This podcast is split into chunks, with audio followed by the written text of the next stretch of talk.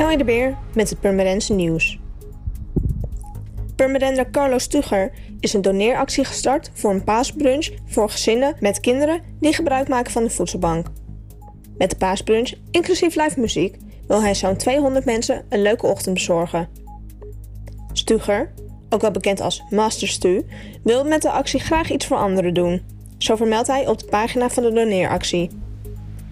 Ook vertelt hij waaraan het ingezamelde geld wordt uitbesteed. Huur van stoelen en tafels, bestek en aankleding van de tafels. Het eten en drinken betaalt hij zelf. Ook de artiesten die komen optreden doen een donatie. De 19-jarige Dylan H. uit Middenbeemster is veroordeeld tot een jaar jeugddetentie voor de ontucht met vijf minderjarige meisjes.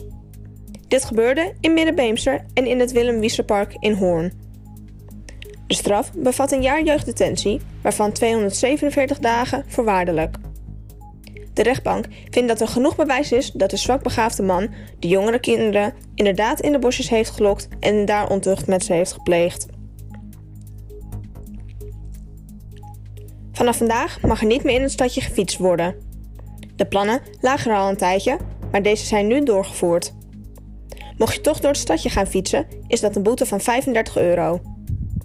Om fietsers tegemoet te komen, komt er een fietsroute tussen de gedempte Weren en de Nieuwstraat. Hoe en wanneer deze in gebruik kan worden genomen en hoe dit staat aangegeven, is nog niet bekend. Voor meer nieuws, kijk of luister natuurlijk naar RTV Permanent, volg je onze socials of ga je naar rtvpermanent.nl.